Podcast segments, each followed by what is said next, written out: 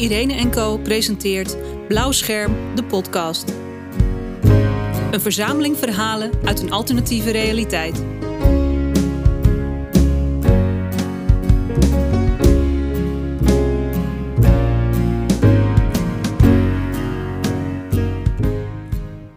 Vanmorgen ben ik naar de aerobics geweest. Zo zeg je dat toch? Ja, je moet je er niet te veel bij voorstellen hoor. Het zijn gewoon wat oudjes die wat aan het hupsen zijn op een leuk deuntje. De een nog strammer dan de ander. Je bent toch al blij op deze leeftijd als je ochtends weer je bed uit kunt komen, na een hele nacht stil te hebben gelegen. Daarna ben ik een kopje thee gaan drinken om even bij te komen. En ik had nog van die chocolade. Uh, hoe heten die rondjes? Oh ja, bonbons staan van mijn buurman Henk. Die had hij onlangs voor me gekocht. Lief, hè? Ze waren echt lekker. Henk is nu al een lange tijd mijn buurman. We hebben echt een goede band samen. Ik ben er blij mee, want sommige dagen zijn toch wel erg stil. Ik kook graag voor hem ik kan sommige dingen allemaal niet meer zo goed onthouden, maar daar helpt hij me dan bij. Maar goed, ik, ik af. Toen ik dus vanmorgen een kopje thee aan het drinken was, was ik wat aan het staren naar de bloemen in de tuin. Naar de rode rozen die mijn man Hans nog heeft geplant, toen hij nog leefde, omdat ik zo van rozen hou. En ze komen deze zomer weer prachtig uit. Toen ik zo zat te mijmeren, hoorde ik een liedje op de radio. Dat liedje van Jacob Finch. Met, ja, hoe heette het ook alweer? Iets van I love you forever.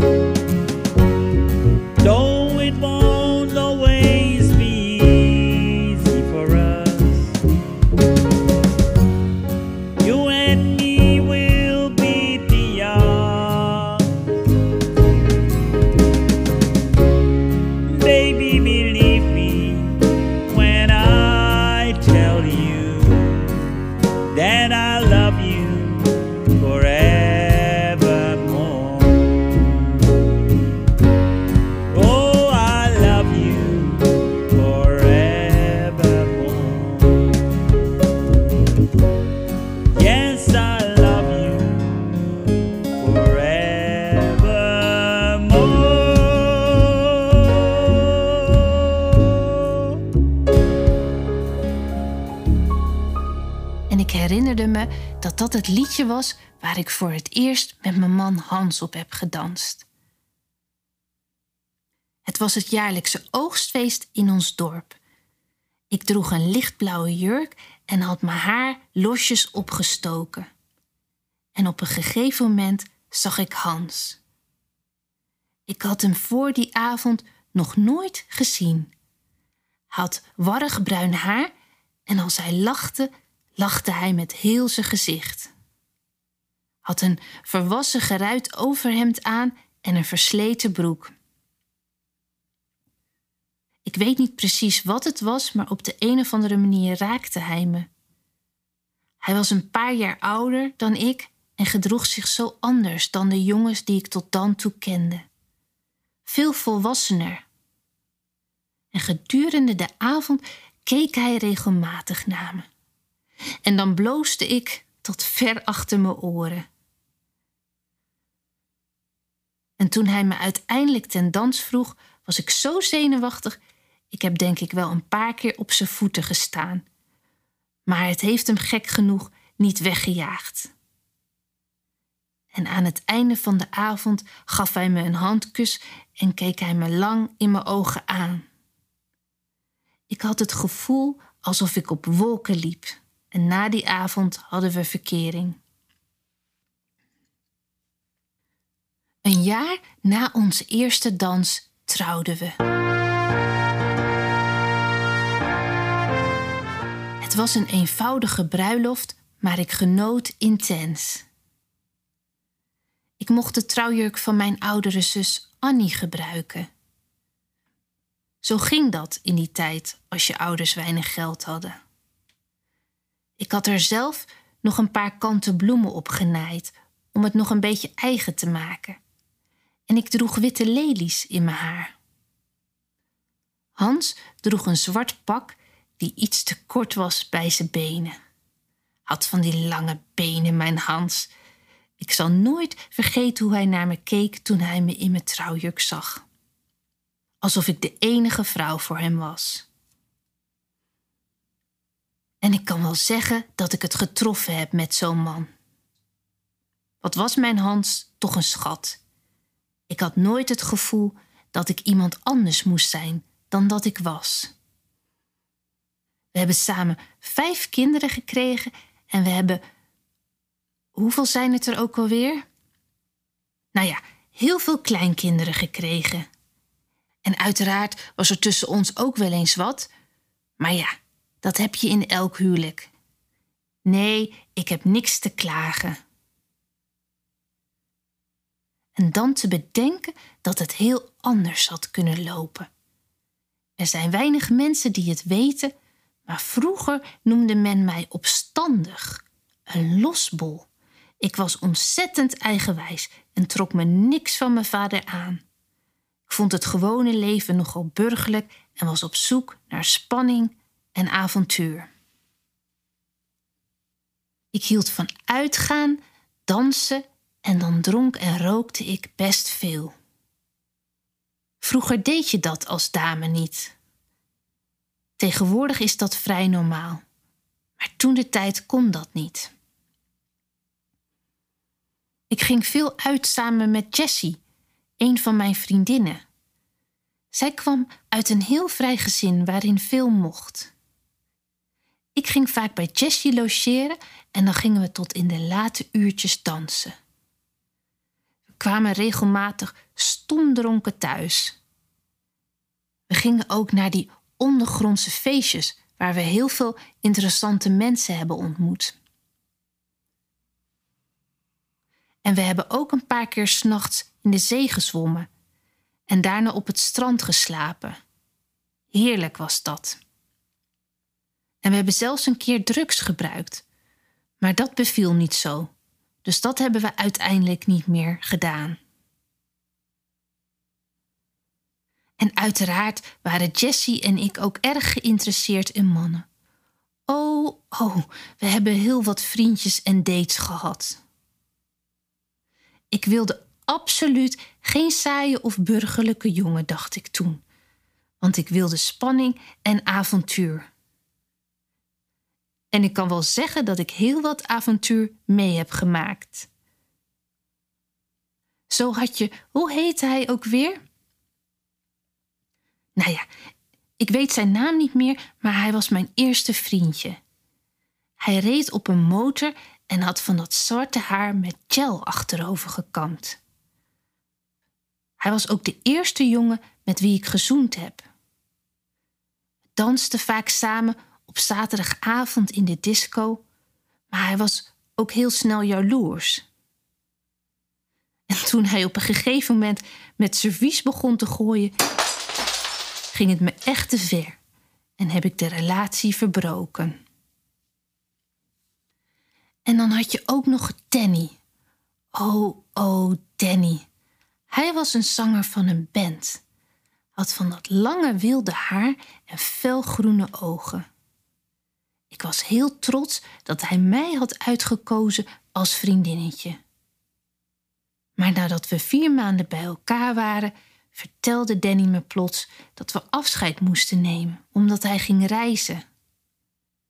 Hij vertelde me dat ik niet mee kon, want dat zou zijn artistieke carrière in de weg staan. Nou, dat was een koude douche. En zo heb ik nog met iemand gedate die veel te veel blode. En er was er eentje die uiteindelijk nog een vrouw had in België. En uiteraard zaten er ook lieve jongens tussen hoor. En heb ik heel veel mooie tijden gehad. Maar uiteindelijk liep het toch steeds mis, omdat een van de twee niet genoeg voelde of omdat we uit elkaar groeiden. Het is niet allemaal even succesvol verlopen. Maar het zijn uiteindelijk ook ervaringen die ik niet had willen missen. Uiteindelijk verloor ik toch mijn wilde haren en wilde ik een gezin stichten. En vroeg ik mijzelf af: wat wilde ik met mijn leven? En wat zocht ik nou echt in een man? En wat voor man wilde ik als de vader van mijn kinderen? Ik besloot echt naar het karakter van een man te kijken. En uiteindelijk heeft dat me naar mijn Hans gebracht. Van een mooi bord kun je niet eten. Als je een goede man in handen hebt, hou hem dan vast. Ik zeg het ook vaak tegen mijn buurman, um, Henk, dat hij ook een goede vrouw verdient. Als je een goede man of vrouw kiest, kun je dat heel wat verdriet bespaard blijven. En weet je wat er pas gebeurde? Pas noemde ik mijn buurman Harm Jan. Oh, ik haal soms alles door elkaar. Mijn buurman heet. Henk heet hij, niet Harmjan natuurlijk. Mijn oudste zoon heet Harmjan. Hij is op zijn 32e naar Australië verhuisd. En oh, wat mis ik hem. Ik heb hem al vijf jaar niet gezien. Soms, als ik mijn buurman zie, Henk, dan moet ik aan Harmjan denken diezelfde groene ogen en het altijd doorhebben hoe de ander zich voelt. Soms, ik heb dit nog tegen niemand verteld, stel ik me in gedachten voor dat Henk mijn zoon is. Maar zoiets kun je natuurlijk niet hardop zeggen. Ja, ik heb het getroffen met Henk als buurman. Ik denk er vaak aan dat ik hem ook een lieve vrouw gun. Hij is altijd maar voor anderen bezig, maar wanneer denkt hij eens aan zichzelf? Het is zo'n goede man, dus je zou toch denken dat elke vrouw op hem zit te wachten. Ik heb ook nog wel een leuk nichtje. Zou dat niet wat voor hem zijn? Ik ga haar toch eens opbellen.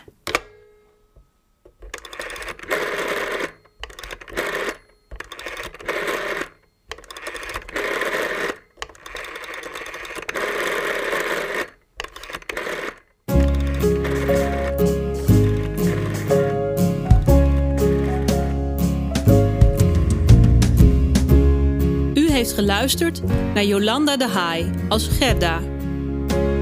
Deze podcast is onderdeel van het project Blauw Scherm, een productie van theatergroep Irene Co. Verschillende spelers vertellen een verhaal vanuit hun personage. Zij hebben deze teksten zelf geschreven. De muziek is van Job Vink, met uitzondering van de traditional We Shall Overcome Wagner's bruiloftsmars en de gezongen citaten in de podcast van Mercurius. Deborah van de Belt heeft de geluidseffecten verzorgd. Deze zijn deels zelf opgenomen en deels afkomstig van het YouTube-kanaal All Sounds. Deze podcast is opgenomen door Irene Siekman en afgemixt door Abel Jansma. Blauwscherm wordt mede mogelijk gemaakt door Gemeente Rotterdam, Humanitas, Solidarodam Elise Mathilde Fonds, Volkskracht en het VSB Fonds. Meer over theatergroep Irene Co vindt u op onze website irene-n-co.nl.